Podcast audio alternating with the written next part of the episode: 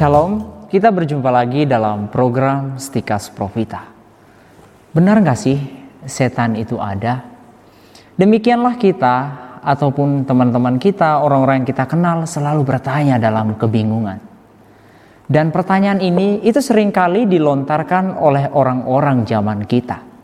Benar nggak setan itu ada? Lalu bagaimana menurut Anda?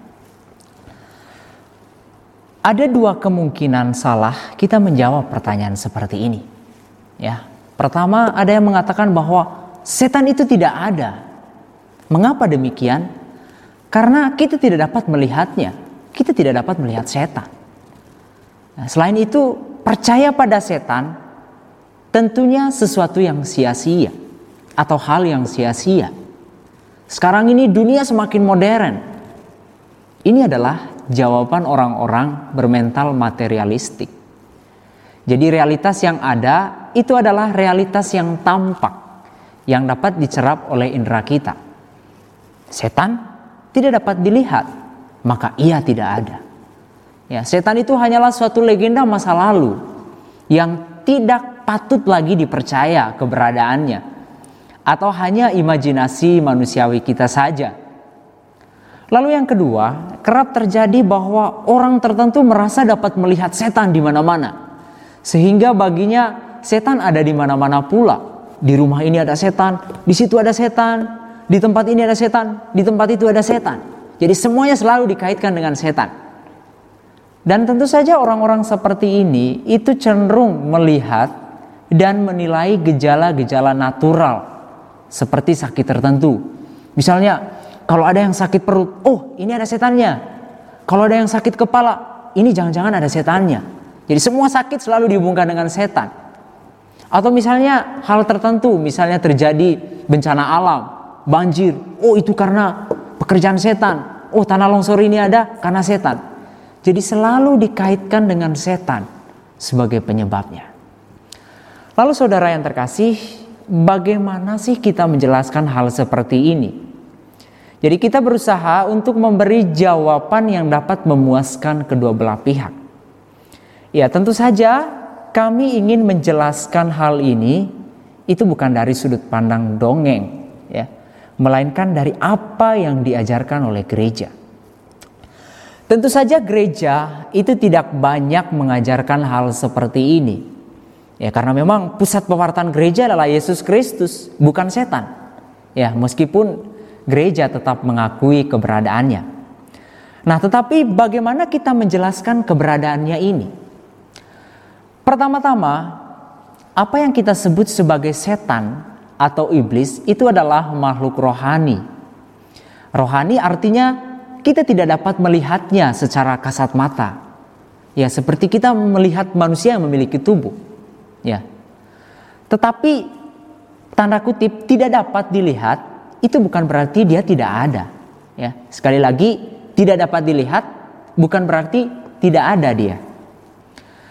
Nah, katekismus gereja Katolik itu mengajarkan bahwa Allah menciptakan malaikat itu baik. Ingat, Allah menciptakan malaikat itu baik. Ya, kami mencoba kutip selengkapnya apa yang diajarkan gereja ini.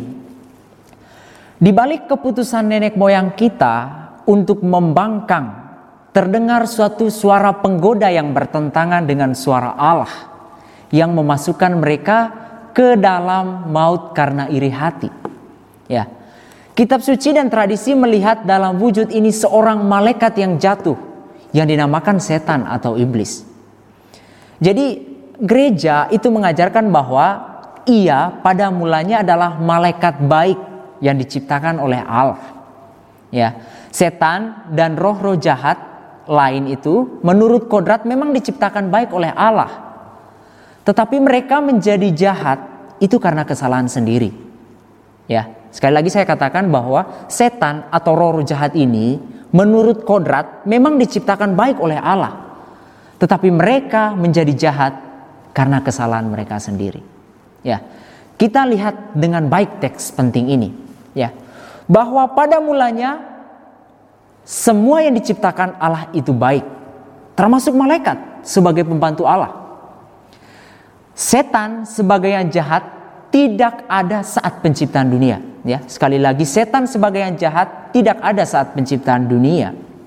Sebab semuanya diciptakan dengan baik. Karena iri hatilah yang membuat mereka jatuh. Jadi kodrat yang baik yang diciptakan Allah itu menjadi jahat. Mereka menjadi jahat bukan karena Allah. Ya, sebab Allah pada mulanya menciptakan ciptaannya dalam keadaan baik. Maka mereka menjadi jahat karena kesalahan mereka sendiri atau seperti yang dikatakan kutipan di atas karena iri hati. Ya.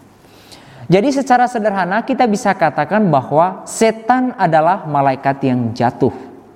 Ya, pada awalnya dia diciptakan secara baik sebagai malaikat yang baik. Namun ia memberontak kepada sang pencipta. Jadi semula mereka adalah malaikat baik tetapi kemudian jatuh. Tetapi bukan Allah yang membuat mereka jahat. Selanjutnya katekismus kita mengatakan demikian. Kitab suci itu berbicara mengenai satu dosa para Selanjutnya katekismus kita mengatakan demikian. Kitab suci berbicara mengenai satu dosa para malaikat yang jatuh. Ya, kita bisa bandingkan dalam surat Rasul Petrus yang kedua bab 2 ayat 4. Jatuhnya mereka ke dalam dosa itu merupakan keputusan bebas roh-roh yang tercipta ini yang menolak Allah dan kerajaannya secara radikal dan tetap. Setan adalah pendosa pada mulanya. Ya, bandingkan surat Rasul Yohanes yang pertama bab 3 ayat 8. Ya, dia adalah bapa segala dusta. Jadi sekali lagi ditekankan bahwa mereka itu jatuh menjadi malaikat jahat karena kemauan atau keputusan mereka sendiri. Mereka memiliki kehendak bebas untuk setia melayani Allah atau sebaliknya mereka memberontak terhadap Allah. Jadi mereka secara sadar itu memilih memberontak kepada Allah. Pemberontakan ini itu membuat mereka menjadi jahat dan Yesus menyebut mereka pembunuh sejak semula.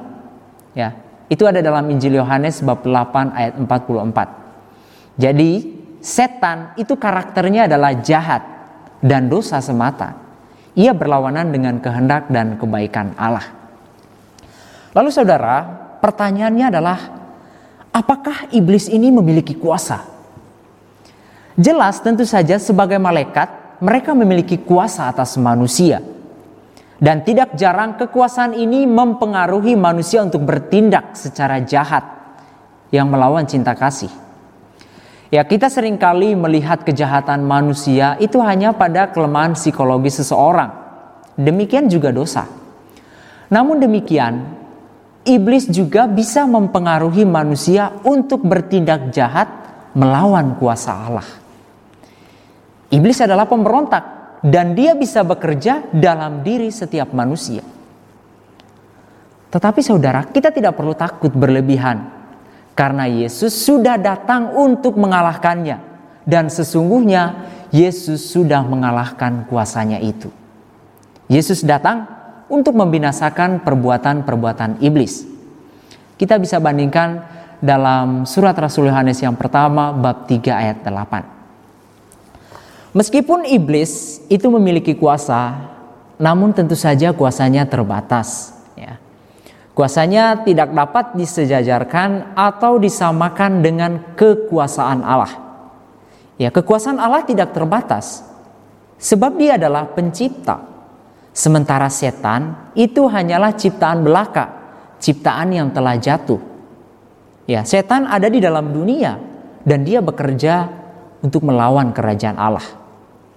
Jadi, intensi atau niat setan itu pertama-tama ingin menghancurkan kerajaan Allah dan membawa kerugian bagi manusia dan masyarakat. Tetapi mungkin kita bertanya, mengapa sih Allah membiarkan hal itu terjadi? Sebagaimana diajarkan gereja, usahanya untuk merusak karya Allah dibiarkan oleh suatu penyelenggaraan ilahi. Jadi Allah membiarkan usahanya itu merupakan suatu misteri suatu rahasia besar, seperti halnya kejahatan yang ada di dunia ini. Padahal Allah itu baik.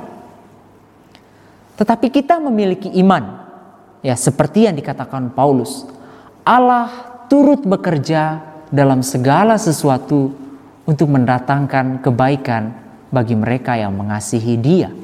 Bandingkan Roma bab 8 ayat 28. Jadi itulah pemahaman kita tentang setan atau iblis. Jadi mereka ada sebagai ciptaan, yaitu malaikat-malaikat yang jatuh. Mereka merupakan realitas rohani karena tidak dapat dilihat. Tetapi mereka bekerja di dunia semata-mata untuk merusakkan karya Allah. Yesus dalam Injil sering kali mengusir setan-setan yang merasuki manusia. Setan menimbulkan sakit, namun tidak semua sakit disebabkan oleh setan. Ya, sekali lagi saya katakan bahwa setan bisa menimbulkan sakit, namun tidak semua sakit itu disebabkan oleh setan. Ya, banyak juga penyakit yang disembuhkan Yesus dalam Injil bukan dengan mengusir setan, tetapi dengan menjamah dan menumpangkan tangan hingga sembuh. Itu berarti kita bisa ambil suatu kesimpulan bahwa tidak semua sakit disebabkan oleh setan, tetapi juga karena kelemahan fisik. Setan itu memiliki kuasa, tetapi kuasanya tunduk kepada kuasa Allah Sang Pencipta. Sekali lagi, Allah tidak bermaksud menciptakan setan. Ia menciptakan malaikat baik, tetapi mereka memberontak terhadap Allah karena kesalahan mereka sendiri. Ya. Dan kita bisa melihat bahwa Lucifer itu dapat dikatakan sebagai kepala ya atau panglima iblis dan kejatuhannya itu menyeret malaikat-malaikat yang lain. Saudara, semoga kita semua mengenal dan mencintai kebenaran dan akhirnya kita semua pun diselamatkan. Salam Profita.